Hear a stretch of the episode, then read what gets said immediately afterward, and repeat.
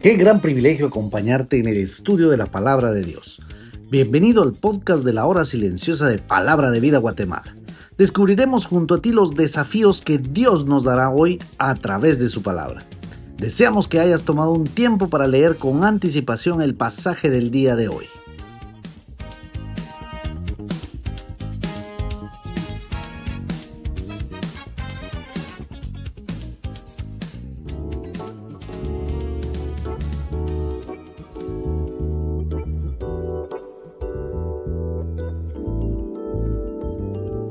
Quiero agradecerte por permitirme entrar a la intimidad de tu hogar. Mi nombre es Ronnie Ajín y hoy estaremos meditando en nuestro devocional de la hora silenciosa de Palabra de Vida Guatemala. Este lo encontramos en el libro de Nehemías, capítulo 5, de los versículos del 1 al versículo 13. Hemos estado observando en los capítulos anteriores que había gente interesada en destruir el pueblo de Israel. Nehemías anima al pueblo a seguir adelante. Aunque la obra era arriesgada y los enemigos se habían propuesto destruirles, ellos hacen su parte. Dice el relato que con una mano trabajaban y con la otra sostenían sus espadas. Sin embargo, se estaba dando una situación que manifiesta de entrada del capítulo 5. Dice el relato. Entonces hubo gran clamor del pueblo, hombres y mujeres pararon la obra, dejaron de trabajar y tenían una queja en contra de sus hermanos judíos. Tenían un problema de alimentos no había comida. Tenían que pagar impuestos y el problema serio que se presenta aquí es que sus mismos hermanos judíos les habían prestado dinero y como no lo podían pagar, les habían quitado sus propiedades y llegaron a esclavizarlos al punto de tomar a sus propios hijos. Ellos argumentaban que si eran judíos, ¿por qué no les consideraban? Ahora, ¿no te parece que este relato es muy parecido a lo que vivimos hoy día? Las injusticias que vemos en nuestras sociedades y cómo nos devoramos unos a otros? Ahora bien, cuando Nehemías se entera de esta situación, se enoja en gran manera. Y es que tanto el pueblo como los líderes habían olvidado las escrituras. ¿Podríamos decir entonces que es válido enojarse? Bueno, en este caso dice que lo hizo, con justa razón, pero antes de seguir así, lo meditó, se tomó un tiempo para reflexionar para aconsejarse y regresó a las escrituras. Entonces los llamó a una reunión, Levítico 25, 35 al 37 y Éxodo 22, 25. Nos recuerdan que cuando el pueblo o uno de sus miembros tenía necesidad y prestaba dinero a sus hermanos, éste no debía abusar de que le hubiera prestado. No debían de esclavizar a otro judío. Era su responsabilidad ampararlo. Muchas veces nosotros como creyentes también abusamos de nuestros hermanos y olvidamos lo que la escritura dice cuando nuestros hermanos tienen necesidad.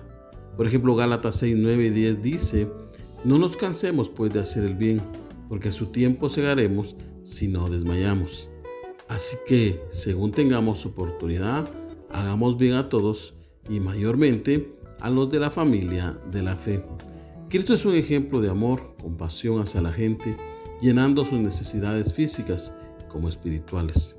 Cuando la palabra les confrontó, dice el relato de Nehemías que dijeron, según el verso 12, lo devolveremos y nada les demandaremos, haremos lo que tú dices, Nehemías.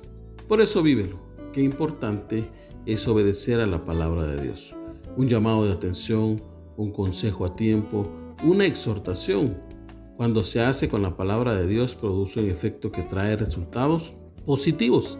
Estos hombres, por el correr de la vida o de la misma obra, podríamos decir que se justificaban. Y nosotros podríamos decir lo mismo. La vida que vivimos hoy día es una vida agitada, llena de carreras y que fácilmente olvidamos la palabra de Dios. Nos acomodamos y creemos que estamos viviendo una vida correcta hasta que alguien viene y nos dice que no lo es.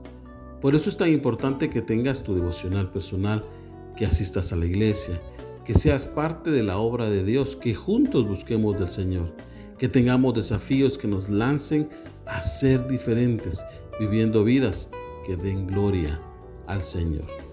Te pregunto, ¿hay alguien que te deba algo? ¿Y tú tienes la oportunidad de perdonarle? ¿No crees que sería una gran oportunidad de bendecir su vida? Romanos 12, 17 y 18 dice, No paguéis a nadie mal por mal. Procurad lo bueno delante de todos los hombres. Si es posible, en cuanto dependa de vosotros, estad en paz con todos los hombres. Recuerda, esto hermano, es de la familia de la fe. Tal vez no precisamente sea dinero lo que te deba. Tal vez tengas que perdonar una ofensa. Descárgate del peso y del pecado que te asedia. Si esto te trae un motivo de enojo o ira a tu vida, no lo cargues más. Dale esa carga al Señor. Él dijo, venid a mí todos los que estáis trabajados y cargados, y yo os haré descansar. Que el Señor te bendiga.